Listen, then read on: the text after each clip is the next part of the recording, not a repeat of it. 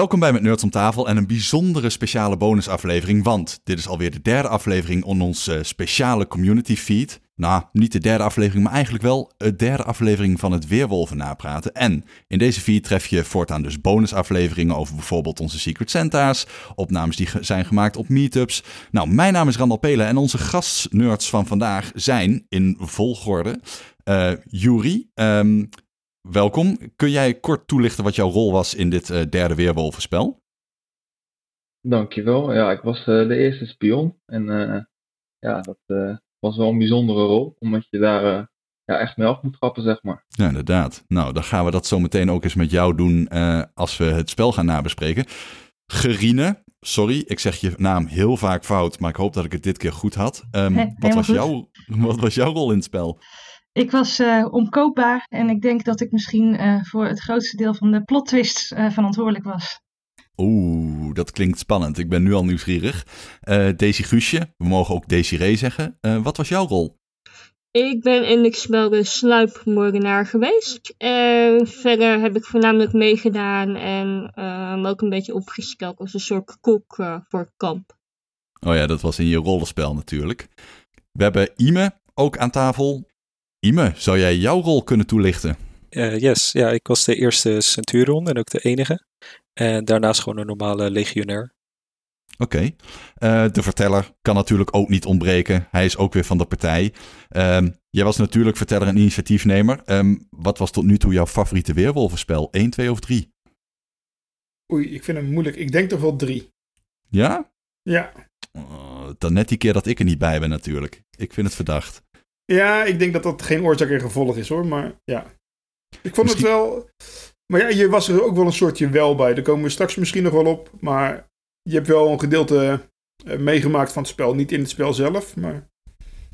Nou ja, goed. In ieder geval, uh, we gaan nu vanavond met z'n allen napraten over het derde Weerwolvenspel. En uh, het was eigenlijk Weerwolven van Wakkerdam. Maar we hebben het wel op een iets andere manier gespeeld dan normaal gesproken. Want, vertellen, zou je kunnen toelichten wat was de setting en wat had je aan het spel veranderd, zodat het misschien nog wel uitdagender zou zijn geworden?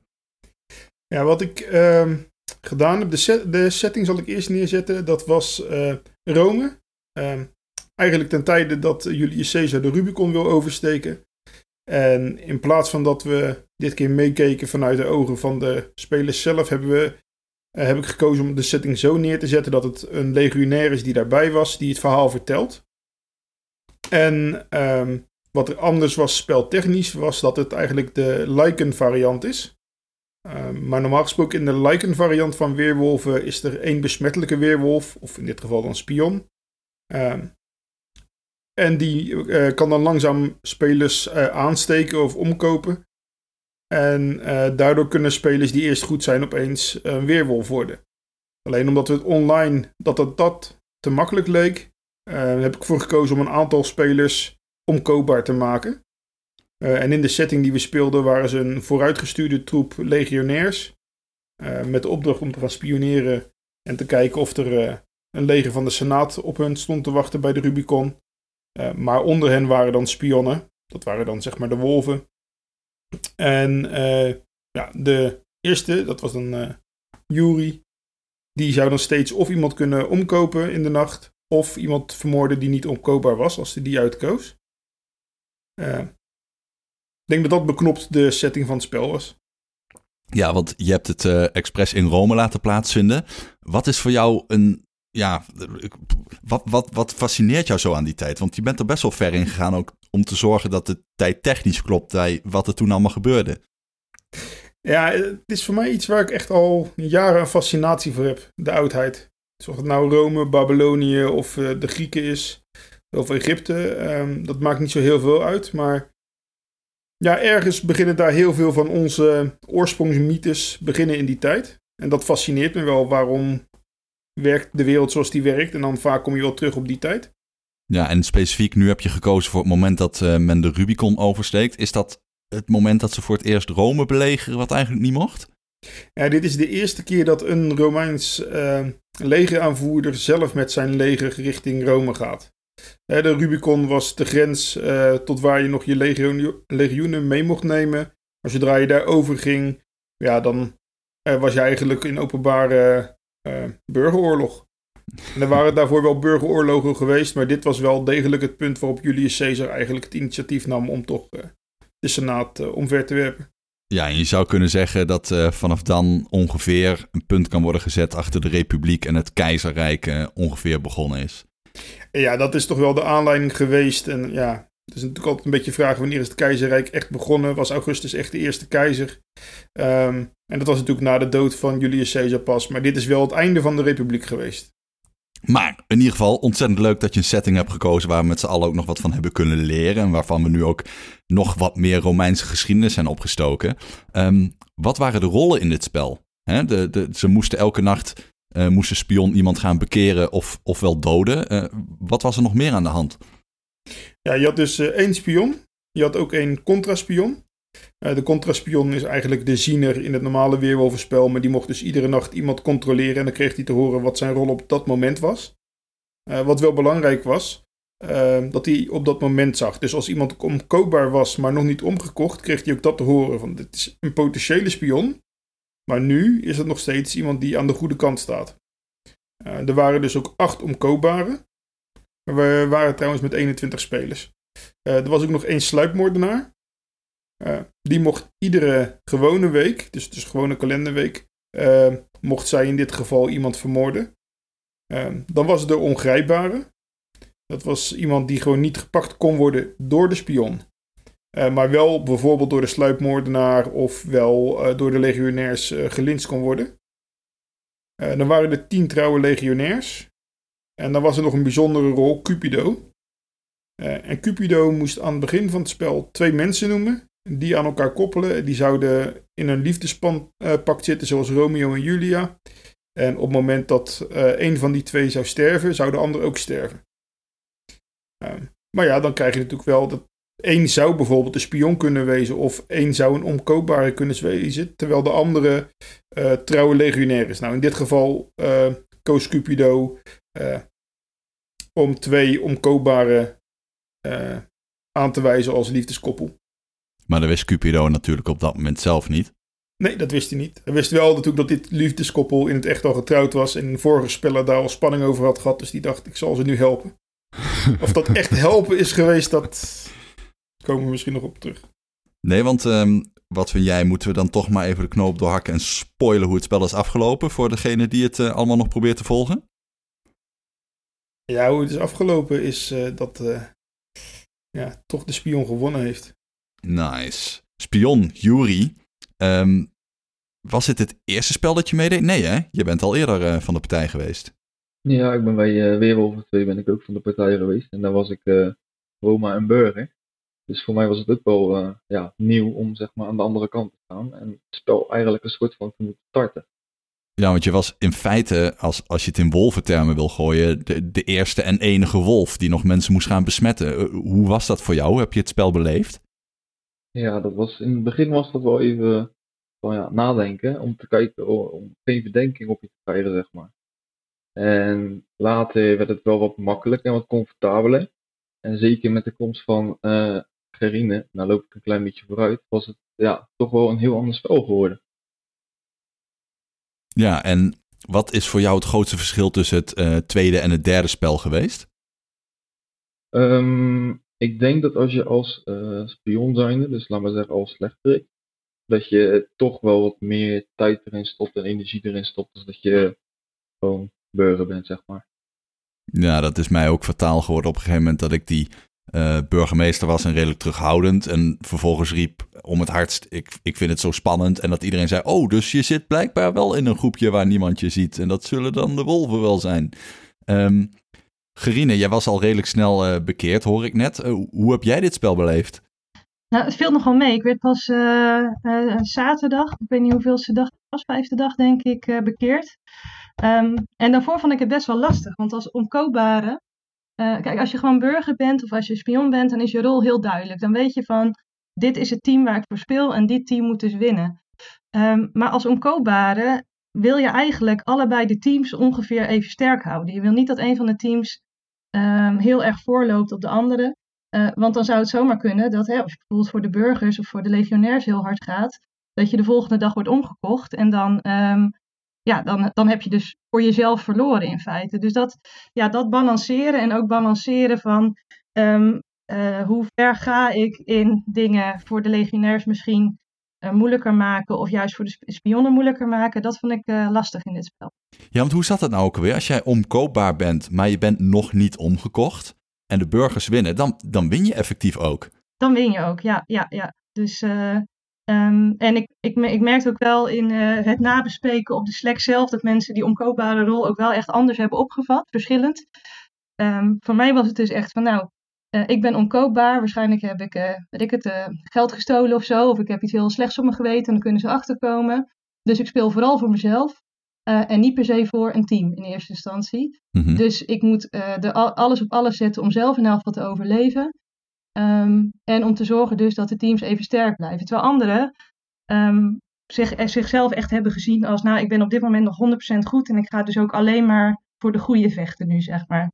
Dus ja, mensen hebben, zijn er wel verschillend mee omgegaan. Ja, kan ik me voorstellen. Ik vraag me ook af wat ik zou doen. Maar als ik omkoopbaar ben, iets in mij zou dan toch wel graag omgekocht willen worden. Herken je dat ook of ben ik dan de enige? Ja, op zich wel, maar ook wel omdat je dan duidelijkheid hebt over je rol. En dan kun je dus gewoon uh, 100% voor één team gaan spelen. En dat, dat maakt het gewoon makkelijker. Ja, dat snap ik ook wel. Uh, Daisy Guusje, Daisy Ray. Um, jij was een sluipmoordenaar. Hoe kijk jij terug op het spel? Ik heb me voornamelijk heel erg rustig gehouden. Ik ben voornamelijk gewoon om me heen gaan kijken van, goh, wat gebeurt hier? En op een gegeven moment kwamen er ook gewoon mensen uh, in aparte berichten naar mij toe. Zo van, goh, uh, wie ben jij? Wat doe jij hier? En ik ben voornamelijk gaan kijken van, goh, wat gebeurt er? En wat kan ik doen? En als ik situaties zag waarvan ik dacht van, dit klopt niet helemaal. Of die voelen niet goed. Dan benaderde ik soms ook de persoon zelf. En uh, soms beïnvloedde dat ook al nog wel eens mijn keuze om te zeggen van goh, uh, jou haal ik het spel uit of niet. Ja, want je hebt iemand het spel uitgehaald. Uh, hoe is dat gegaan? Dat is wel spannend als je aangeeft van oké, okay, ik wil dat deze de volgende dag niet haalt. En bij mijn eerste zet is dat nog, um, hoe heet ik? Was er nogal een, een behoorlijke reactie van, goh, waarom is dit gebeurd en uh, zullen, zullen, zullen we de jacht nou eens openen? Dus toen dacht ik ook van, oh, dat was niet helemaal goed. Mm -hmm. En bij mijn tweede set was die volgens mij wel redelijk raak. Dus toen was ik eigenlijk op zich wel blij mee. Oké, okay, uh, uh, even door, want we, we zitten nog midden in het rondje Ime. Uh, je bent de langst zittende burgemeester aller tijden, zie ik hier bij jouw naam ja. staan. Um, hoe, hoe heb je het spel dan beleefd als je zo lang aan het roer hebt kunnen staan? Uh, nou, toch wel heel intensief. Uh, ondanks dat misschien de meeste spelers het niet heel veel door hadden. Maar ik probeerde voornamelijk ja, een beetje achter de, uh, hoe noem je dat? Achter de coulissen. en voornamelijk met Sherine heb ik echt heel veel, heel intensief gespeeld. Wat aan het begin dus, ja, zij was ook nog goed. Maar wat achteraf gezien ja, misschien wel mijn dood geweest is. En uh, eigenlijk in het spel zelf probeerde ik voornamelijk met lange verhalen wel te laten zien dat ik actief was. Maar tegelijkertijd niet dat ik direct een heel groot uh, doelwit zou worden. Ja, want je was burgemeester, maar je was dus ook gewoon een doodnormale legionair. Je wilde de boel overleven en zorgen dat de burgers zouden winnen. Ja. Had je daar ook echt een tactiek voor in gedachten? Of was het gewoon een beetje op de oppervlak uh, blijven en je moment afwachten? Nou ja, ik heb op de Slack een vrij lang verhaal neergezet, wat eigenlijk nog een inkorting was van wat ik allemaal bedacht had. Maar waar het voornamelijk op neerkwam, is dat ik dacht dat voor de ongrijpbare en de, ja, de ziener eigenlijk zo snel mogelijk samen moesten gaan kijken hoe ze mensen gingen omleggen. En dat ik daarbij dan een 2,5 stem zou kunnen meebrengen die uiteindelijk misschien het verschil kan maken. Hm. Verteller, hoe kijk jij terug op het spel? Ja, ik heb er vooral heel veel van genoten. En ja, vooral de meestelijke zetten van Grine heb ik echt, echt van genoten. Dat begon eigenlijk al in het begin. Um, ja, dat, dat was voor mij echt genieten. Maar ik vind vooral het, het spelen met hoe, ga ik, hoe zie ik mijn rol, uh, welke mogelijkheden heb ik en hoe ga ik daarmee uh, mijn eigen kansen of mijn kansen van mijn team zo groot mogelijk zien te maken. Ja, dat vind ik gewoon heel mooi om te zien. En ik, ik vond in dit geval dat echt Gerine dat ja, meestelijk heeft gedaan. Ja, want laten we even niet langer om de hete brei heen draaien. Uh, Gerine wordt nu al een aantal keer genoemd als een heel waardevolle speler met een zeer doortrapt meesterplan. Wat is daar gebeurd? Ja, van alles. Um, ik denk, ja, ik weet niet in welke volgorde je wil doen, maar waar het mee begonnen is, denk ik, is dat ik deze Guusje heb overgehaald om de omkoopbare dood te schieten. Um, ik had, dat, dat had ik op dag één al geprobeerd. En toen zei ze, nou, ik slaap er nog een dagje over. Dus ik dacht, oh shit, is mislukt. Het gaat hem niet meer worden. Um, en de volgende middag was uh, Ida, die de omkoopbare was, vrij actief uh, op, in het dorp en ook in privé. Je bedoelt de ongrijpbare, toch? Ja, ja, ja. Ja, ja oké. Okay, ja. Wat zei ik? Oh, zei ik omkoopbare weer? Ik ja. het om elkaar. Ja. nee, de on ongrijpbare inderdaad. Ja, dat is natuurlijk voor de burgers een, een, een supergoeie supergoeie zet als die in de openbaarheid is. Want de ziener kan dan anoniem eigenlijk via de ongrijpbare steeds doorgeven wie er vermoord moet worden en wie er betrouwbaar is. Um, maar ik was vrij actief toen al, dus ik dacht ja, maar ik zal waarschijnlijk heel snel gecheckt worden en dan ga ik ook heel snel dood, want ik ben onkoopbaar. Um, dus ik probeerde deze Guusje over te halen om haar dood te schieten en dat deed ze ook. Um, en tot mijn grote verbazing vertrouwden ze me daarna nog steeds. Dus dat was, uh, nou ja, dat was deel 1 van iets wat heel goed gelukt is. Ik weet niet in welke volgorde je het verder wil doen, want er zijn nog wel wat meer dingen uh, voorgevallen. Nou, ik was er misschien ook wel goed om even aan te geven dat deze Guusje, Guusje aan jou op dag 1 al meteen vertelde dat zij de sluipmoordenaar was. Ja, dat was niet zo slim. Ik heb drie mensen gehad in totaal die mij hun rol hebben verteld. Dus dat, uh, ja, niet, niet zo slim van die mensen, maar het kwam mij heel goed uit. Um, Klopte ja. allemaal achteraf ook? Ja, ja, ja, ja. Holy crap. Ja. Ja, dus uh, als, uh, ja, wat goed werkte is gewoon aan mensen vragen: Zo, dus jij bent de puntje, puntje, puntje. En mensen leken daar zo van te schrikken dat ze daar ook maar gewoon eerlijk antwoord op gaven. Dus uh, ja, dat werkte heel goed. Maar dan ben ik wel benieuwd. Uh, deze Guusje, jij wordt dus uh, verzocht op, op vriendelijke wijze om de ongrijpbare, een heel belangrijke rol voor de burgers. Want diegene kan eigenlijk niet doodgaan. Die is bijna onsterfelijk, tenzij een van de burgers haar doodmaakt. je bent toch voor je karretje gespannen door die gekke wolf hier. Ja, dat is ook waar. Maar ook bij mij uh, had ik in dat moment ook behoorlijk wat lessen gehad op school met vrij heftige onderwerpen. Ook met mensen met geestesstoornissen. En ze begon zich zo uh, stereotyp te gedragen naar de onderwerpen waar wij het over hadden. Dat ik dacht van, nou ja, volgens mij uh, zit die toch niet, niet helemaal goed bij. Dus, en ik werd er gek van. Dus toen dacht ik van, je kan beter nu het spel verlaten. Dan dat ik hier nog hier hou. Ik heb ja, het ook okay. wel heel oneerlijk gedaan, want elke keer als uh, deze Guusje iets, iets zei wat ook maar richting iets verdachts van Ida zou kunnen gaan, heb ik dat enorm bevestigd. Allerlei scenario's uitgewerkt die ontzettend scheef gewogen waren. Um, en um, nou ja, dat, dat, dat werkte dus. Maar uh, sorry nog, deze Guusje. het is dus een en al uh, gemanipuleerd wat de klok slaat. En dat hebben we in de vorige spellen natuurlijk ook wel gehoord. Um, ja, je zegt dit is eigenlijk stap 1 in je meesterplan. Um, in, in grote lijnen, verteller, uh, hoe zou jij zeggen dat het spel is verlopen? Want ik ga misschien al te snel de diepte in door me op het meesterplan van uh, Gerine te storten. Um, wat is voor jou een belangrijke eerste gebeurtenis geweest? Ja, ik denk wel dat de belangrijke, belangrijkste eerste gebeurtenis toch wel dit is geweest. Hè, dat deze Guusje, Guusje um, eerlijk heeft gezegd wat haar rol is. En dat Gerine daarbij heeft gedacht van wacht even uh, als inderdaad uh, de ongrijpbare nu bekend is, dan is het straks heel erg sterk voor de goede. Maar ik heb kans dat ik ook een slechte word, dus ik moet dat levelen.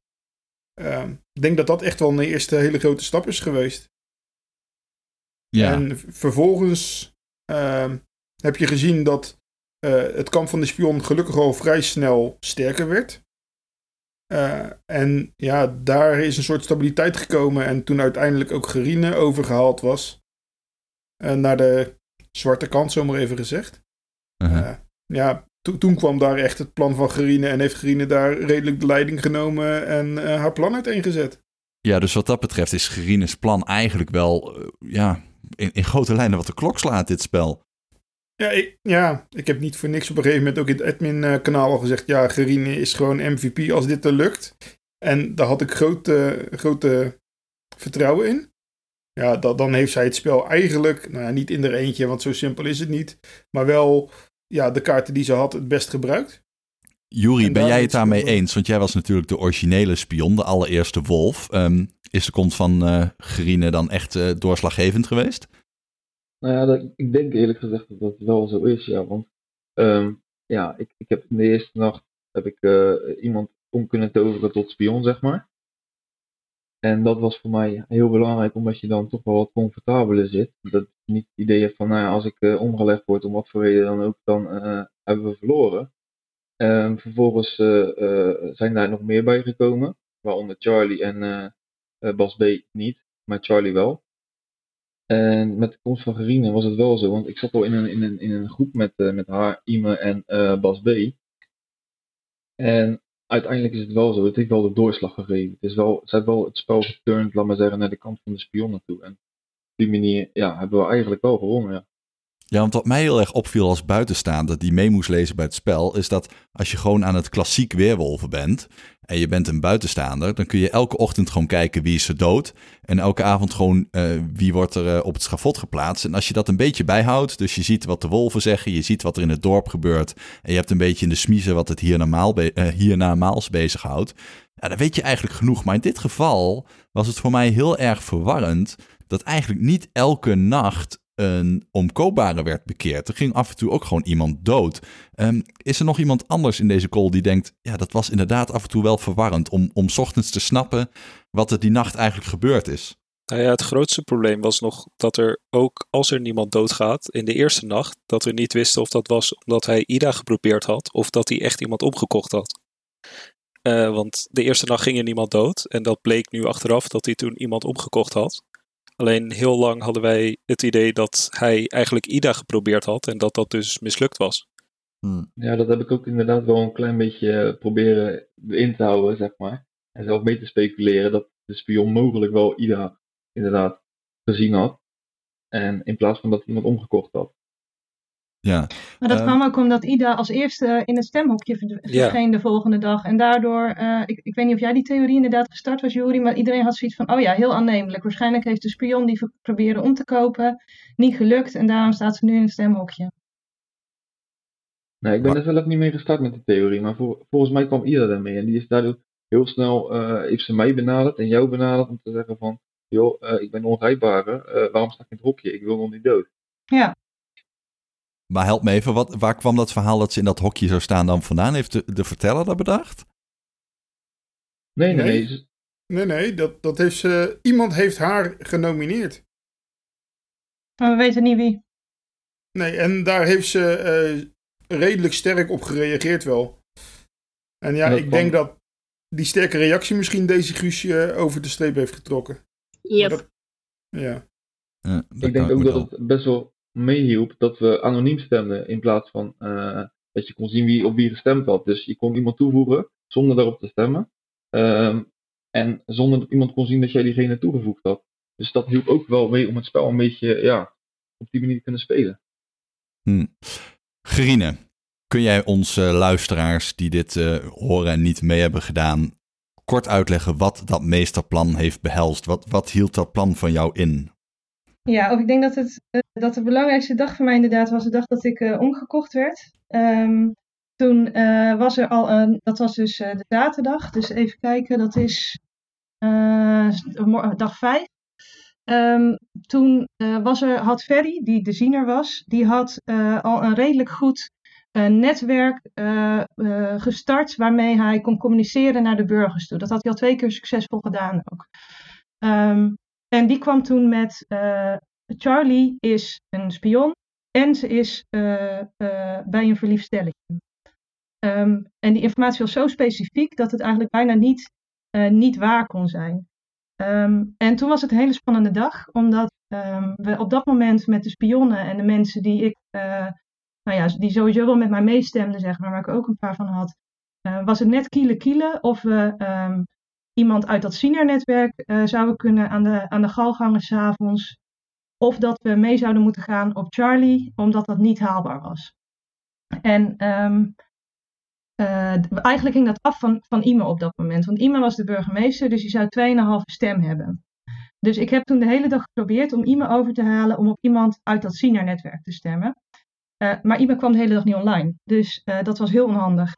Um, en toen zat ik een beetje met een probleem, want ik dacht, oké, Charlie zit dus ook in een uh, liefdesbondje met Bas B, was dat. dat daar waren we toen ook achter gekomen. Um, en zij zal sowieso proberen om niet te sterven en Bas B ook. Dus toen hebben we een tweede spionnenkanaal aangemaakt waar we Charlie buiten hebben gehouden. En hebben in de tussentijd Charlie voorgehouden. We gaan op rens, dus zeg tegen iedereen dat, je op moet, dat ze op rens moeten gaan. Um, en uh, achter de hand gehouden van, nou misschien moeten we dus niet op rens gaan uiteindelijk. Wat dan een soort van plan, of, ja, plan A was eigenlijk vanuit spionnen. Uh, maar moeten we op haar stemmen. Ja, het klinkt heel complex nu, hè, of heel vaag, maar ik hoop dat je het nog kan volgen. Dus dat was, we, we hielden Charlie en Pas B voor de gek dat we op rens zouden gaan. Uh, iemand kwam online en die zei gelijk, nee, we gaan op Charlie. Um, dus op rens gaan met z'n allen, dat lukte al niet meer. Dus toen moesten we hun helemaal voor de gek houden. En toen heb ik ook tegen iemand gezegd, laten we dat dan niet tegen iedereen zeggen. Want de mensen waartegen we dat niet zeggen en die alsnog op rens stemmen, dat zijn dan waarschijnlijk de spionnen. Want die stemmen dan mee uh, met Bas B en Charlie. Die denken nu dat het veilig is, uh, maar dat is niet zo. Want dat was nog weer het vierde onderdeel van het plan. Dat ik uh, met Jury samen uh, um, heb gedaan alsof we een val zetten, zeg maar. Dus ik zei tegen Ime, laten we in het kanaal waar we met Bas B, um, Jury en Ime in zitten, doe, zeg jij dan dat je op rens gaat, want dan denkt Bas B dat hij veilig is. En zeg dan op de achtergrond tegen Jury dat we in plaats daarvan op Charlie gaan. Dus uh, Ima had op dat moment het idee dat hij Bas B voor de gek aan het houden was. Terwijl hij eigenlijk gewoon aan het samenspannen was met een spion. Maar dat wist hij op dat moment niet. Um, en ja, uiteindelijk was dus de, het resultaat van het geheel dat we Charlie en Bas B eruit hebben gestemd. Daarop mee hebben gestemd en daarmee onszelf een soort alibi hebben gegeven. Ehm, Juri had een alibi omdat Ime hem dat gegeven heeft eigenlijk. En die was de burgemeester. Dus dat was een hele goede zaak. En we hadden twee onschuldige burgers zogenaamd in de val gelokt, omdat die op Rens hadden gestemd, omdat we daar niks aan door hadden gegeven. Um, dus ja, goede move voor de spionnen. En hoe verknipt ben je dat je dit soort bizarre plannen zit te verzinnen de hele dag? Ja, best wel. nee, zo, ik, zat die, ik zat die dag ook te werken achter mijn computer zaterdag. En uh, ik heb wel uh, heel veel tijd uh, niet gewerkt. Dat, dat wil ik toegeven. Dus, en in het vorige spel hadden we Bas R natuurlijk. Die zei, joh, ja. voor mij is dit allemaal heel logisch om mensen in de rug te prikken. Want ik zit natuurlijk in de sales. Is er voor jou ook een logische aanleiding dat je zo lekker bezig was? Ja, ik, ik werk als onderzoeker en psycholoog, dus ik weet niet zo goed. Uh, of dat een positief ding is of niet. Nee. nee, ja, weet je, ik vind het heel leuk en, en het gaat ook wel goed. Uh, maar in het dagelijks leven doe je dat natuurlijk nooit. Dus daarom is het juist wel heel leuk om dat bij spelletjes te doen. Maar ik heb wel een paar keer ook bij de vertellen aangegeven, zeker uh, wat betreft deze Guusje, van kan dit wel? En ik hoop echt dat ze niet te boos op me is achteraf. En ik ga me echt diep. En, maar goed, die heeft mij moreel gerustgesteld daarin. Uh, maar uh, ja, dat, het, ik vond het ook wel spannend. Maar het was ook heel leuk. Uh, Twee korte vragen, het, want dat heb ik even gemist. Het eerste is, hoe wisten jullie nou van dat stelletje af? Nou, dat kwam eigenlijk doordat ik Charlie geturnd had. En gelijk stuurde Bas B mij een privébericht diezelfde dag. Dus die heeft eigenlijk gezegd van, ja, ik, ik heb je door, je bent een spion. Daar kwam het eigenlijk op neer. En dat heb ik eerst een beetje heel voorzichtig van tafel geveegd. En toen later dacht ik van ja, uh, we gaan hem ook turnen. Maar daartussen kwam Gerine nog, dus die werd geturnd in plaats van Bas B. Die zou de dag daarna komen. En toen was van, toen had de Zine, Charlie en uh, Bas B al gezien als liefdeskoppel. Dus dat, ja, dat ging niet meer op, zeg maar. Oké.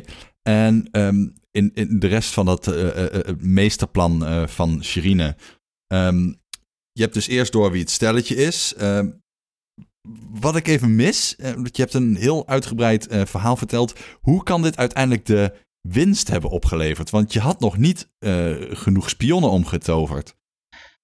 nee, dat klopt. Um, maar ik kon natuurlijk wel s'nachts mensen ook omleggen. Ik dacht eerst nog dat Lamerius Francis, of wie is dat in het echt? Stef B, denk ik. Ja. Uh, dat dat uh, de spion was. Ik was s'nachts in bed. Ik dacht, oh shit, ik heb het verkeerd gedaan. Het is hem niet. Uh, maar dat was al één cruciale factor in het uh, Ziener-netwerk. Ehm, en de volgende dag heb ik deze Guusje weer overgehaald om iemand eh, te vermoorden, namelijk de derde persoon in het Ziener-netwerk. En hebben wij zelf de Ziener zelf omgelegd. Dus toen was eigenlijk het hele Ziener-netwerk, bestaande uit drie mensen, was dood. Ehm, behalve Ime, maar die dacht dat ik te vertrouwen was. Eh, want in de tussentijd had Ferry mij ook nog gecheckt en die wist dat ik omkoopbaar was. Maar gelukkig heb ik ze ervan, toen was ik al omgekocht op een gegeven moment. Maar omdat ik zo fanatiek bezig was om spionnen te vangen, zogenaamd, uh, dachten zij dat ik nog niet omgekocht was. En uh, daardoor ben ik er eigenlijk mee weg kunnen komen. Ja, want vertellen, je hebt het natuurlijk allemaal meegekregen. Um, hoe, hoe is het voor jou zo snel van dat meesterplan naar eh, je hakt de knoop door, nu is het spel gedaan? Het, het, het, ging voor mijn gevoel best wel snel. Ja, dat klopt. Um, wat Gerine niet verteld heeft, is dat de ziener dit keer geen eigen kanaal is gestart, maar heel slim een soort ketting opgezet heeft. En daar eigenlijk ook nog bij gezegd heeft dat hij zelf niet de ziener was, maar het ook maar doorkreeg. Um, dus er waren een aantal mensen die uh, werden vertrouwd en die elkaar ook informeerden van op die moeten we gaan stemmen bij de Linsing, want die is onkoopbaar of die is al omgekocht. Maar Gerine zat in dat netwerk en Gerine heeft dat netwerk in kaart gebracht. Oh ja, dat is uh, waar ook, ja. En daardoor, heb jij, eh, daardoor ben je erop uitgekomen, die of die zal de ziener zijn. Uh, dus ja, dat was eigenlijk het laatste stukje. En dan op een gegeven moment zag je dus, er waren nog um, nou, het precieze aantallen weet ik even niet meer uit mijn hoofd. Maar ik geloof dat er drie spionnen waren en er waren nog uh, vijf onschuldige legionairs. Alleen die dag werd er één legionair gelinst. Uh, en ja, in de nacht mogen de eh, spionnen weer iemand omleggen. Dus die, hebben dat geprobeerd, die zouden dat gaan doen. Ik wist al wie dat was. Dus nou ja, en dan is het aantal spionnen en het aantal onschuldige legionairs gelijk. En dan hebben per definitie de spionnen gewonnen. Ja, precies, want die kunnen dan iedereen omleggen. Ja.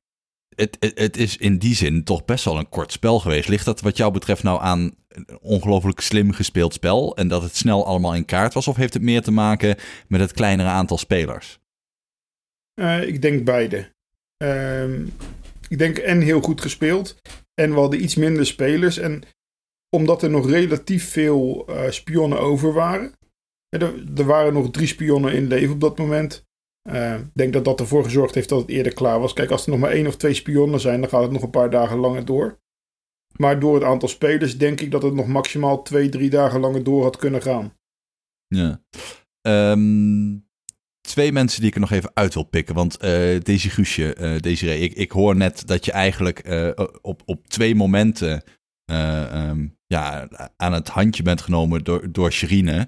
Um, wat was voor jou uh, een, een tactiek waar je in geloofde die je probeerde na te streven? Wat was jouw plan geweest om de winst toch naar je toe te trekken? Ondanks dat het dan niet gelukt is op dit moment was ik voornamelijk gewoon volgen wat mensen doen. En voor de rest ben ik gewoon helaas heel druk met mijn studie bezig geweest. Dus af en toe kreeg ik wel mensen naar me toe. En ik wist dat ze naar mij op zoek waren. Dus dan wist ik gelijk oké, uh, ik probeer jou te vlakje te houden. Ik probeer jou vooral ergens anders heen te sturen.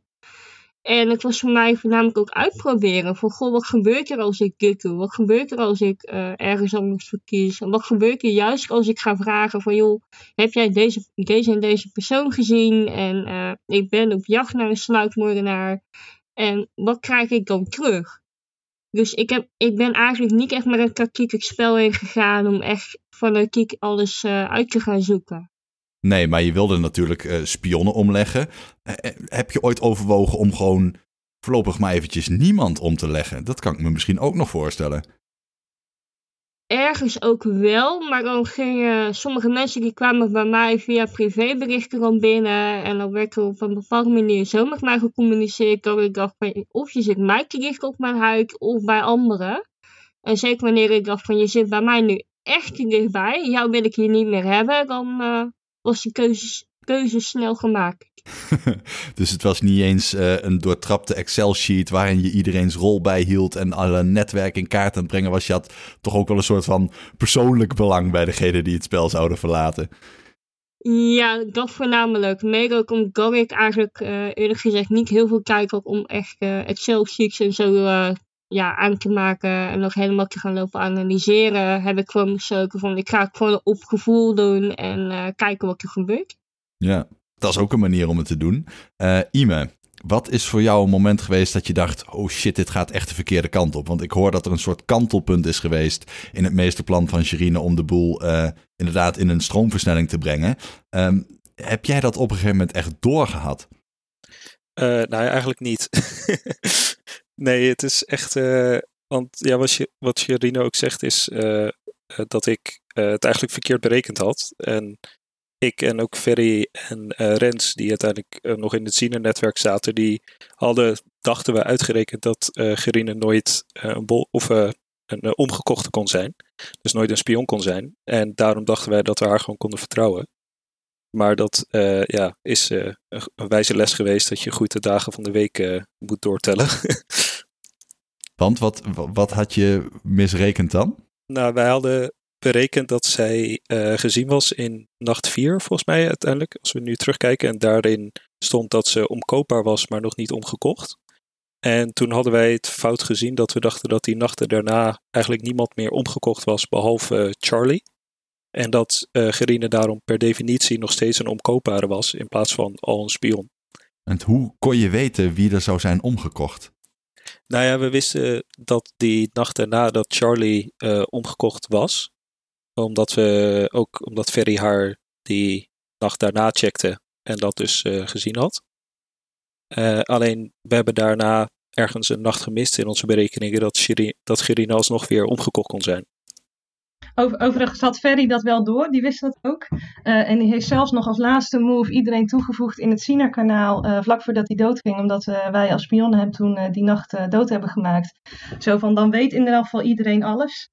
Um, maar gelukkig heeft iemand er overheen gelezen. ook echt serieus? Ja, nee, want daar, daar staat het ook niet. Wat zei je? Nee, daar stond het ook niet, in ieder geval niet zo specifiek. Ah, oké. Okay. Toen ik het las, dacht ik, nou val ik door de mand. Morgen heeft iemand door. Maar uh, nee, dat viel mee. Ja, nou, ik moet zeggen dat ik die, nacht, die dag, dat we de laatste dag, dat ik ook wel heel ja, een beetje geïrriteerd was, omdat dus ook een extra moord was gepleegd, ook door uh, deze Guusje.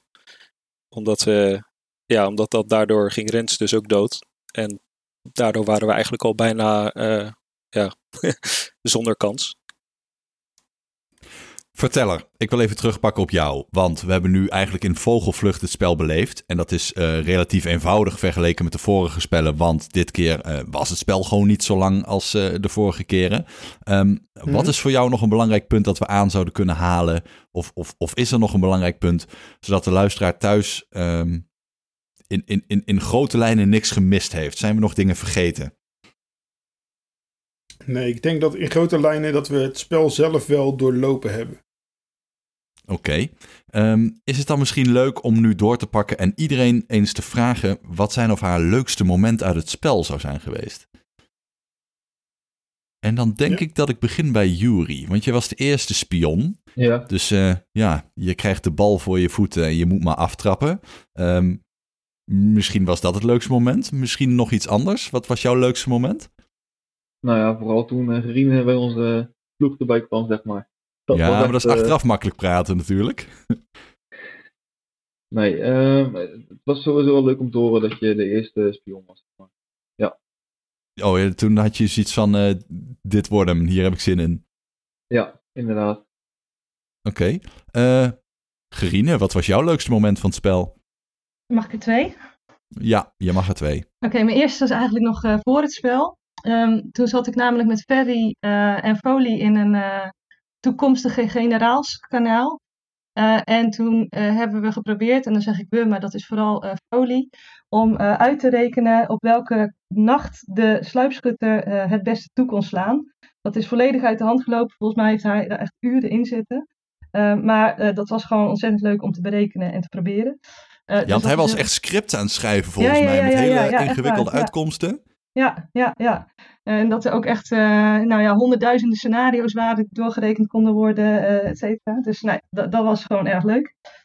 Um, en het andere denk ik dat, ik dat het voor de tweede keer lukte om deze gusje iemand dood te laten schieten. Want ik denk wel dat dat het moment is geweest waarop, het, ja, waarop het definitief gekeerd is eigenlijk. Was niet het mooiste moment dan eigenlijk dat ze je dat achteraf ook heeft vergeven omdat het maar een spelletje is? Ja, ja natuurlijk. Ja. dat, dat, dat was het mooiste moment na het spel.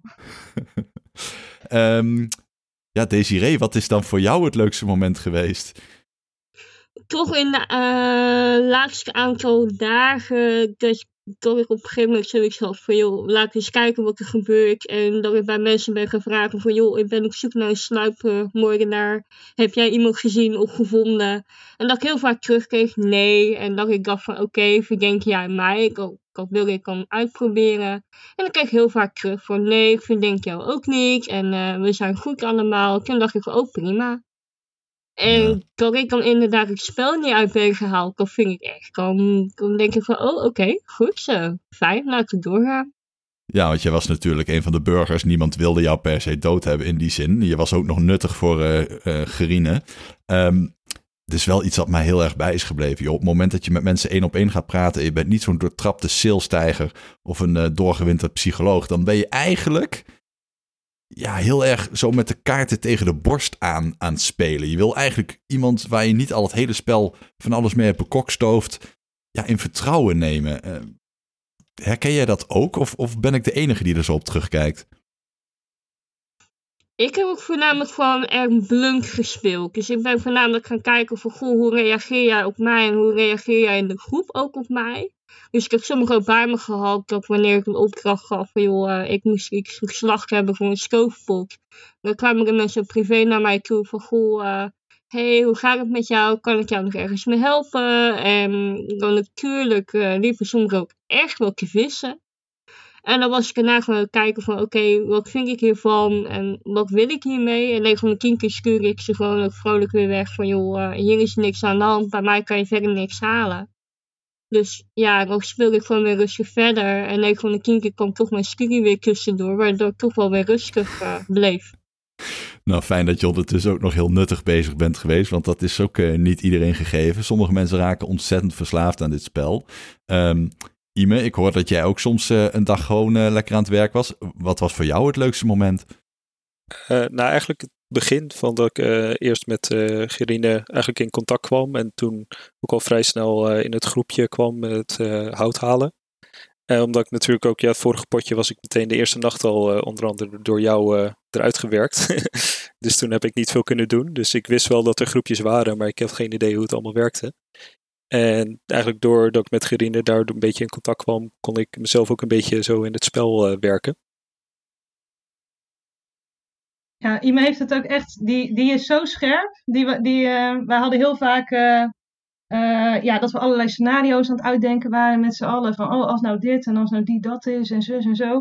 En hij, had het, hij, hij doorzag het allemaal gelijk steeds. Hij had gelijk uh, ja, hele scherpe analyses eigenlijk. Dus het was ook, ook toen ik nog niet omgekocht was, heel erg fijn om hem ook in dat groepje erbij te hebben. Omdat hij hele ja, slimme analyses eigenlijk had steeds. Hm. Vertel wat vond jij het leukste? Ja, eigenlijk was Gerine al een beetje voor. Ik vond vooral voor het spel dat er een groepje was wat al heel erg grote scenario's aan het berekenen was. En ik, op dat moment wist ik de rollen ook nog niet. Maar ik dacht alleen maar, jongens, jullie zijn met z'n drieën of met z'n vieren nu bezig uh, de goede eigenlijk allerlei wapens in handen te geven, terwijl je helemaal niet weet wat jouw rol straks is. Dus ja, ik vond dat wel grappig. Aan de ene kant, aan de andere kant dacht ik ook van, oei jongens, wat ben je nu aan het doen? En uiteindelijk bleek dan uh, dat van het groepje alleen Gerine degene was die ook nog eens een keer uh, onkoopbaar was. Maar ik denk, je zijn nu aan het nadenken over wat is het beste moment om de slechterikken uit te schakelen. Terwijl je straks misschien zelf die slechterik bent. Ik vond dat wel heel leuk. En ja, het tweede moment vond ik wel uh, het, het, stuk waar Gerine met Bas B. en Charlotte bezig was om de tactiek uit te spreken. En eigenlijk daar allerlei binnen het kamp van de slechte. Waar ik dan Bas B. me ook maar eventjes bij reken, omdat hij ook omkoopbaar was.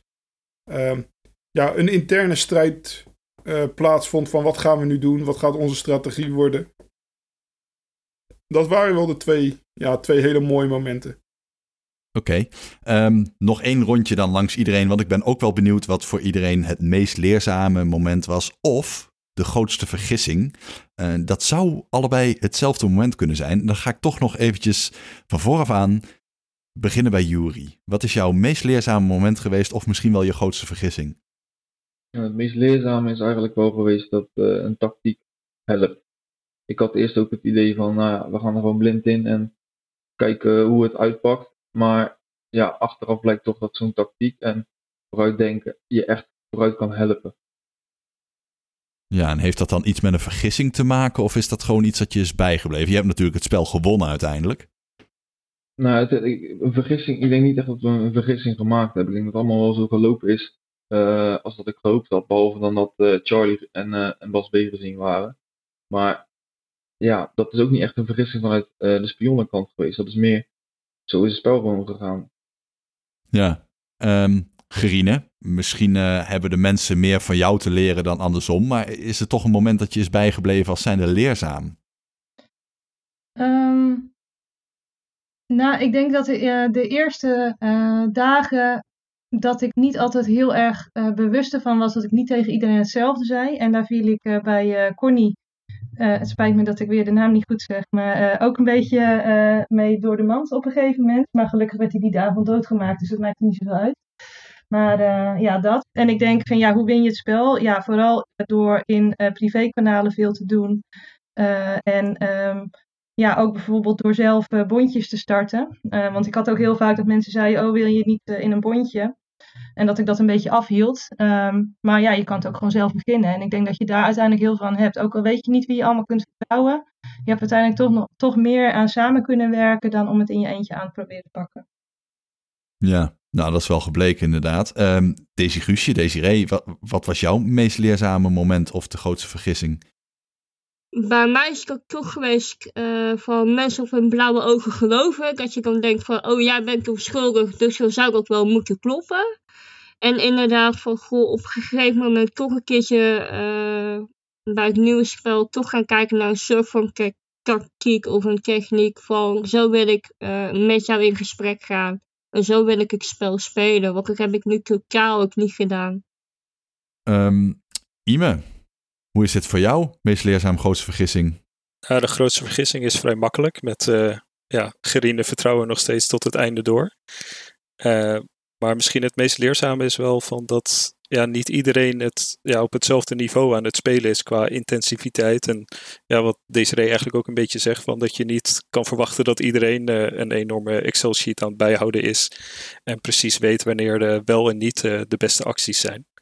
En dat je daardoor zelf ook misschien wat proactiever moet zijn om te proberen mensen al over te halen met wat jij denkt dat het beste is. En er niet vanuit gaan dat ze dat zelf ook kunnen bedenken.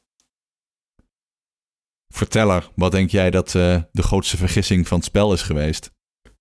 Ja, ik denk eerlijk gezegd de reactie van Ida op haar uh, nominatie. Um, wat iedere keer blijkt op het moment dat je genomineerd wordt. Als je dan in paniek slaat of heel veel gaat reageren, je vestigt alleen maar meer aandacht op jezelf. Als je gewoon cool blijft, een andere naam nomineert en uh, afwacht wat er gebeurt, is de kans veel groter dat je het overleeft. Heeft dat niet dus... raakvlak met de actie in het uh, tweede spel? Toen op een gegeven moment, uh, volgens mij was het ook Ida, um, ja, toch redelijk fel in de verdediging ging toen ze iemand, uh, ja, ze werd ervan verdacht dat ze wist wie de dag zou, niet zou ja. zijn gestorven, zeg maar. Klopt. in het tweede spel heb je het ook een paar keer gezien. Het was Ida inderdaad die op een gegeven moment riep, ja, bewijs het maar. Ja. Je, je kan niet meer aandacht op jezelf vestigen dan dat, want niemand had enig bewijs, maar hey, jij bent degene die nu in het middenpunt staat van de aandacht. Dus krijg je die aandacht ook. En dat is aandacht via stemmen. Um, maar ook een aantal keer, volgens mij was toen ook Jurian die op een gegeven moment redelijk in paniek schoot omdat zijn naam uh, er stond. Of iemand anders van de Wolf. Ik kan het me niet meer helemaal precies herinneren. Um, maar ja, je ziet gewoon op het moment dat je heel veel gaat reageren, trek je alleen maar meer aandacht aan. Blijf gewoon cool. En aan de andere kant, mensen die allemaal spreadsheets bijhouden, dat is nu ook al drie spellen lang aan de hand. En het heeft volgens mij nog nooit iemand de winst opgeleverd. Dus misschien is het wel veel beter om, uh, en dat is meteen ook een tip dan, ga gewoon veel meer in gesprek en kijk veel meer naar het sociale en probeer op die manier te achterhalen. Vertrouw mensen, maar ook misschien niet te veel door meteen je rol te noemen. Uh, maar speel het op die manier. Als je te veel met uh, statistieken bezig gaat houden, denk ik dat je het jezelf heel moeilijk maakt. Ja, daar kan ik me wel wat bij voorstellen. Um, ik wil zo meteen even doorpakken naar het volgende spel. Want je hebt al uh, mooie plannen en een, en een datum geprikt over wanneer het volgende spel van start gaat. En dat noemen we dan maar Weerwolven spel 4. Um, maar nog heel even terugblikken op het derde spel. We waren in, uh, in, in Rome, of in ieder geval op het punt de Rubicon over te steken. Je hebt ook een hele bijzondere vertelstijl gekozen. Want je zegt: Ik heb een legionair die eigenlijk in de toekomst wordt geïnterviewd. En het vertelt alsof het gebeurd is in het verleden. Um, A, hoe kwam je op dat idee? En B, um, wat een ontzettend tof verhaal is dat geworden, zeg. Ja, hoe kwam ik op het idee? Dat was uh, ja, eigenlijk heel simpel. Uh, ik dacht: Oké, ik heb nu twee keer het verhaal verteld vanuit uh, mensen die er dan zelf waren. Ik heb in twee sp spel 2 een keer een fout gemaakt door iets te insinueren wat in het spel een rol ging spelen. Namelijk had te maken met de rol van de burgemeester. Um, die dan op iedere dag maar een naam noemde en iedereen stemde daarop. Dus ik had dat in het verhaal verwerkt. En ik merkte dat doordat ik hoe ik dat toen gedaan had, dat daar um, in het spel invloed, dat dat invloed op het spel had. En dat vond ik eigenlijk niet zo oké. Dus toen dacht ik van hoe kan ik nou, nou anders doen? Ik dacht nou weet je wat, als ik mezelf er nou buiten zet. Dus toen ging ik nog verder denken hoe ga ik dat dan doen? Maar ja, ik denk misschien kan ik iemand mee laten kijken. Maar ja, hoe kan iemand dan meekijken en het toch overleven? Nou, stel dat het een kind is, want die wordt toch niet door iedereen serieus genomen. Die mag toch niet meestemmen. Die wordt misschien ook niet vermoord. Oké, maar hoe kan ik een kind in dit verhaal krijgen? Dus op die manier heb ik dat, uh, ja, dat in mijn hoofd een beetje geconstrueerd. En dacht van, nou weet je wat, laat ik het op die manier uh, opzetten.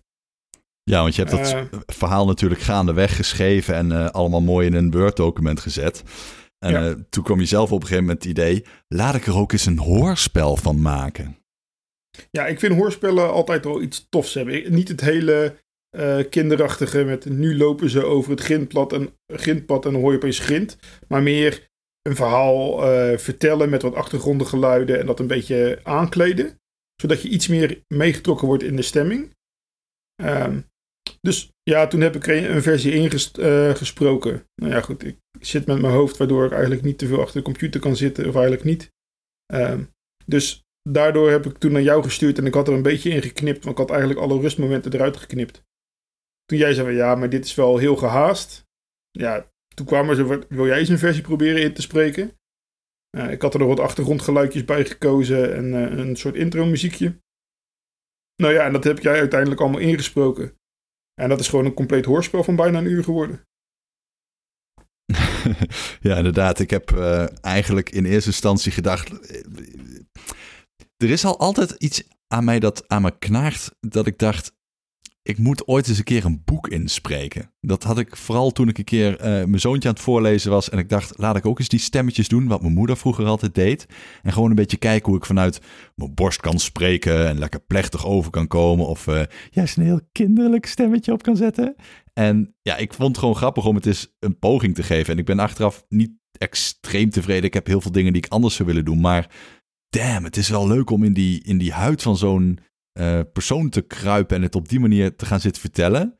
Um, en wat me ook heel erg is opgevallen is, als je die pagina's zo ziet staan, dan denk je, ja, god, weet je, ik heb nu twee pagina's gedaan, laat ik de rest ook maar doen. En dan word ik een beetje, ja, moet ik het noemen, fanatiek of bijna bezeten van, dan wil ik het ook afmaken. En damn, wat kost het een tijd, jongen. Ik denk dat ik elke zin die uit mijn strot hoort komen, uh, misschien wel twee of drie keer uitgesproken heb, gewoon om het, om het maar zo goed mogelijk te maken. En achteraf kwamen er ook mensen met feedback die dan zeggen van, joh, zou je die hier... En dan denk ik, ja, eigenlijk wel, maar op een gegeven moment moet het ook gewoon af zijn, weet je wel. En nou, ik, ik, ik ben echt wel heel benieuwd of er mensen zijn die het leuk vinden om naar te luisteren achteraf. Ik in elk geval wel. Ja, ik heb ook. je het echt helemaal uitgezeten? Zeker, ja. ja. He helemaal mee eens. Wat een stel fanatiekelingen. um, ja, misschien wel voor herhaling vatbare uh, um, uh, verteller. Vertel, wat staat ons te wachten in het komende spel? Ja, ik denk, ben het helemaal met je eens dat ik denk dat het voor herhaling vatbaar is. Dus ook het tweede of het volgende spel uh, wil ik weer in zo'n soort setting uh, doen. Alleen ietsjes interactiever. En we hebben daar natuurlijk al eventjes contact over gehad. Maar voor het volgende spel gaan we naar een fantasie uh, setting. En namelijk die van Toy Story. Dus eh, we gaan in Andy's kamer kijken. En in Andy's kamer eh, speelt het speelgoed naartoe, of leeft het speelgoed als hij slaapt. Alleen Andy neemt dat wel degelijk waar in mijn versie van het verhaal, toch? Eh, en denkt dat hij droomt. Dus Andy gaat ochtends naar zijn vader en die praat met zijn vader. En hij vertelt wat hij in zijn dromen ziet. Nou ja, eh, het is aan de spelers wat hij gaat zien. Eh, maar we gaan dus met het speelgoed in Andy's kamer spelen. Mijn hemel, die ziet gewoon allerlei speelgoed elke nacht vermoord worden. Ja, of uit de kast worden gevallen. Hè? Daar moet ik nog eventjes een, een leuke in-thema oplossing voor verzinnen. Maar dat komt wel goed. Ja, want het is eh, ook wel weer voor een hoorspel vatbaar, eh, zeg je? Ik denk het wel. Als jij daarvoor in bent, dan, eh, dan gaan we dat doen. nou, lijkt mij wel leuk, ja. En ja, wij hebben natuurlijk al contact gehad. Maar ik zal de rol van de vader op me nemen. En dan mag jij de rol van Andy op je nemen. En, Mm, Nu wel zin in. Ik moet eigenlijk helemaal niet meedoen met het spel, weet je. Ik moet gewoon aan de zijlijn staan, dit lekker kunnen vertellen. En dan vind ik het wel mooi. ja. Ja, dat moet je zelf weten. Kijk, voor mij mag je ook gewoon meedoen natuurlijk. Want de verhalen krijg je toch wel te zien. Ja, ja, je wilt toch niet die geheime schetsen zien. Nog even over nadenken. Ehm, wat zijn nog meer dingen die de mensen moeten weten voor het volgende spel? De rollen. Ja, de rollen. We gaan even terug naar de basics. Dus we gaan wolven. Er zijn slechterikken. Dat is eh, generaal Zorg, is dat volgens mij uit mijn hoofd in het verhaal van eh, Toy Story. Ehm, we hebben een ziener. We hebben een sled. En we hebben een cupido. Dus er worden weer twee mensen aan elkaar gekoppeld. Dus weer een beetje terug basics, ouderwet, standaard eh weerwolvenrol rollen. Nou, dat is ook weer een beetje beter te volgen. Ga je weer voor 25 spelers? Ja. Ja, het spel zal weer 25 spelers zijn. En dat vind ik wel echt heel goed nieuws. Eh Fody is, ja, een beetje raar om te zeggen, maar gelukkig redelijk snel in dit spel dood gegaan. Eh, waardoor hij wat tijd had. En hij zegt van, joh, ik programmeer lekker. Eh, ik hoor dat jullie het hebben over eigenlijk zouden we het liefst een bot hebben en een andere manier van stemmen. Eh, zal ik eens kijken wat ik daarin kan doen? Eh, nou, ik ben in het normale leven product owner, dus ik heb gezegd van, joh, ik wil er wel met jou even over nadenken wat dat dan zou moeten kunnen. We hadden al als admins ook al een lijstje. En hij is dat uit gaan bouwen. eh, bouwen en eh Gerine heeft er ook in mee getest. Ja, dat is gewoon een, een kant-en-klare bot die ons straks gigantisch gaat helpen. Die automatisch de stemming oproept. Automatisch alle eh, namen laat zien van mensen waarop gestemd kan worden. Dus zo'n actie net als we nu hadden met Ida. Dat iemand eh, een naam daar neerzet en niemand weet wie dat is. Eh, ja, dat heb je niet, want alle namen van iedereen die mogelijk op gestemd kan worden staan er straks. Eh, en hij zal ook mensen herinneren van, hé, hey, je hebt nog niet gestemd. Eh, wil je alsjeblieft nog gaan stemmen voor die in die tijd? Dus ja, ik wil Folie toch wel een hele, hele dikke bos eh, gekleurde pluim in zijn eh, reet stoppen. Mijn hemel, hij heeft gewoon een, de- een betere poly gemaakt. Ja, hij heeft eh Polly verbeterd en daar nog een hoop eh, weerwolfuncties aan toegevoegd. Ah, lachen man. Ik, daar ben ik wel echt benieuwd naar. Want het is gewoon een hele... Wel weer... Warempel, jongen. We- Hoe, hoe gekke stel nerds zijn we met z'n allen wel niet bij elkaar... dat we in een chatkanaal met z'n allen zo ver gaan... dat we er ook nog bots voor gaan zitten schrijven. Ik blijf dat magisch vinden, hoor. Ja, dat, dat is het ook. Ik vind het ook heel bijzonder. Ja, dat had Ik bedoel, ja, eh, als je, als je een maand of zo terugkijkt, dan kregen we het rare idee om een bordspelkanaal te openen. Daarin hadden we het over weerwolven. Daarin had ik het idee van, hé, hey, dit kunnen we ook online doen. En dit is het resultaat. Ja, het is bizar. Nou ja, en, ook kudo's naar jou natuurlijk. Ik blijf het elke keer maar zeggen. Eh, Het starten hiervan en eh, dat verhaal toch ook maar elke keer weer vertellen. Ehm, er komt een nieuw spel. Het wordt eh Weerwolvenspel 4. Daar gaan weer 25 mensen meedoen. Een iets klassiekere setting en een iets klassiekere roller, eh, rollen ook weer. Maar wel met een hele toffe nieuwe bot. En eh, net zoals nu, lekker nabespreken en met een hele mooie hoorspel achteraf. Ehm, deelnemers van dit spel, wat zijn jullie tips aan de mensen die het volgende spel mee gaan doen? En dan begin ik met Jury. Nou, mijn tip is gewoon om te zorgen dat je ja, probeert de juiste mensen om je heen te verzamelen. Die hetzelfde gestemd zijn zoals jij. Of in ieder geval eh, mensen die ja, best tactisch zijn. En wat nou als dat mensen zijn die toevallig in het andere kamp blijken, blijken te zitten? Dan mm, moet je proberen om zo goed mogelijk over te komen dat je in hetzelfde kamp zit en hun kennis te gebruiken om je eigen spel eh, aan te kunnen passen. Ja. Klinkt zo makkelijk, hè? Het klinkt heel makkelijk, maar het is echt, het is echt gigantisch moeilijk. Ik heb mezelf ook af en toe echt op zitten vreten als je gaat kijken naar ja, hoe het verdiept en eh, wat er in, in de nacht bijvoorbeeld zou gebeuren. Maar gelukkig is het allemaal goed gekomen dit keer. voor jou wel, ja. En uh, voor Gerine ook. Uh, dus wat zou jouw tip zijn voor de volgende deelnemers van het volgende spel? Ja, ik kan me wel aansluiten bij de tip om mensen om je heen te verzamelen, inderdaad. En ook het besef dat 99% van het spel zich niet afspeelt in het hoofdkanaal, maar daaromheen. En als je dan toch zo fanatiek bent als sommigen van ons en een Excel-sheet kan bijhouden, um, breng dan ook een netwerkkaartje eh, in beeld. Dat heb ik dus gedaan en daar heb ik heel veel aan gehad uiteindelijk, denk ik. Dus die praat met die, die praat met die. Dan kan die dus niet te ziener zijn, dus dan moet die het wel zijn, et cetera. Um, dat helpt. Kost wel veel tijd. Heb je daar geen zin in? Gewoon lekker spelen en uh, in elk geval zorgen dat je in een paar clubjes zit. En dan uh, is het in elk geval zonder al te veel tijd ook hartstikke leuk. Nou, ik heb nog weinig mensen gehoord die er echt uh, de pik in hadden en achteraf spijt hadden dat ze mee hebben gedaan. Uh, Daisy Guusje, welke tips zou jij de volgende deelnemers mee willen geven? Inderdaad, ga op zoek naar een aantal van die groepen. Kijk of je jezelf erbij kan voegen. En uh, eventueel zo dan ook nog een spel kan spelen. Uh, vertrouw mensen niet al te lang. Misschien is het wel leuk als je elkaar vier dagen contact hebt. Maar dat je daarna zegt van joh, uh, ik laat jou even rusten en ik ga op zoek naar een ander. Dat zou ook inderdaad een hele goede kunnen zijn. En uh, kom je er toch nog achter dat je iemand uh, misschien niet helemaal eerlijk naar jou is geweest, dan kan je altijd later nog even die heel duidelijk maken. Maar daarna moet je het ook uh, gewoon klaar mee zijn. Laat je jezelf er niet te ver in, in meetrekken. Nee, dat is misschien nog wel het allermoeilijkst. Ime, welke tip heb jij voor de volgende spelers? Uh, ja, mijn tips zou ook inderdaad zijn om groepjes te zoeken. En zelfs als je daarin met mensen komt uh, die je niet kan vertrouwen, omdat dat eigenlijk altijd zo is. Het helpt gewoon heel erg om aan het begin met mensen te praten over wat nou logisch is om überhaupt te doen in het spel. Ook als je goed bent of als je slecht bent. En daar kan je gewoon die algemeniteiten kan je gewoon heel goed met elkaar delen. Zelfs als je niet van elkaar weet wat je bent. Hm. Verteller, heb je hier nog wat aan toe te voegen? Uh, Nee, ik heb er eigenlijk niks aan toe te voegen. Ik denk wel, uh, weet je, er zijn een aantal mensen die heel hard roepen: ja, het kost heel veel tijd en het kan veel tijd kosten, uh, maar dat hoeft niet. Hè, dus ik denk dat dat ook voor mensen niet altijd een belemmering hoeft te wezen. Hm. Andere nabranders nog, jongens, want anders gaan we afronden. Nee, ja, het was hartstikke leuk. Eh, bedankt uh, aan de verteller ook, want uh, ik heb echt genoten. Ik ook. Ja, graag gedaan. Graag gedaan. Ik zie jullie graag terug in uh, het volgende spel. Zeker. Ja.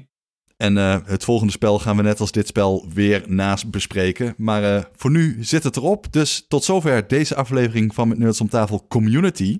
Onze vaste tafelnerds zijn Floris Diemel, Joost Schellevis en Jurian Ubachs. Mijn naam is Randal Pelen. Uh, deelnemers, waar kunnen mensen meer over jou te weten komen? Ik begin bij Jury. Slack. Gewoon op Slack, hè? Gerine ja. dan? Slack, Twitter, Gerine Lodder. Oh, er zit ook een twitteraar tussen. Daisy Guusje, jij. Slack en Peske. iedereen naar onze Slack. Ime, nog een andere ja. plek dan Slack? Nee, iedereen naar Slack. Uh, ja, volgens mij zit ik ook op LinkedIn, officieel nog op Facebook, maar daar doe ik ook niks mee, dus ja. gewoon allemaal naar Slack. En vertel er dan. Ja, mij vind je ook gewoon op de Slack. Nou, met nerdsomtafel.nl en uh, daar staat een hele mooie Slack-knop. Uh, meer informatie over ons staat ook op die site, mnot.nl. Uh, je vindt er ook een pagina met tips over hoe je ons kunt steunen. Bijvoorbeeld door het achterlaten van een review in je favoriete podcast-app. Je kunt ook jezelf steunen met een heel mooi t-shirt of een hoodie in onze shop. En ik probeer nu al een poosje om daar ook een heel mooi weerwolven-design neer te zetten. Maar de mensen die eigenlijk iets van zeggenschap over dat logo hebben, die, die hebben nog niet gereageerd over of ze dat wel of niet zien zitten. Dus misschien moeten we maar een ander logo gaan maken dat ja, niet uh, één op één gejat is van uh, de uh, auteursrecht dragende partijen, maar ja, wel iets van het weerwolven laat zien. Dus als iemand daar ideeën over heeft, hou ik me aanbevolen. Um, nou, op de site staat dus ook de link naar het befaamde Slack-kanaal. En als je nou patron van ons wordt, dan vang je altijd een RSS-feed, zodat je reclamevrij kunt luisteren. Toegang tot het Patreon-kanaal op Slack. En daar gebeuren ook hele leuke dingen. Vanaf 3 dollar of meer stickers, 5 dollar bierviltjes. Voor 10 dollar of meer ben je altijd bij onze live-events. En voor nu, hartelijk dank voor het luisteren en tot de volgende keer.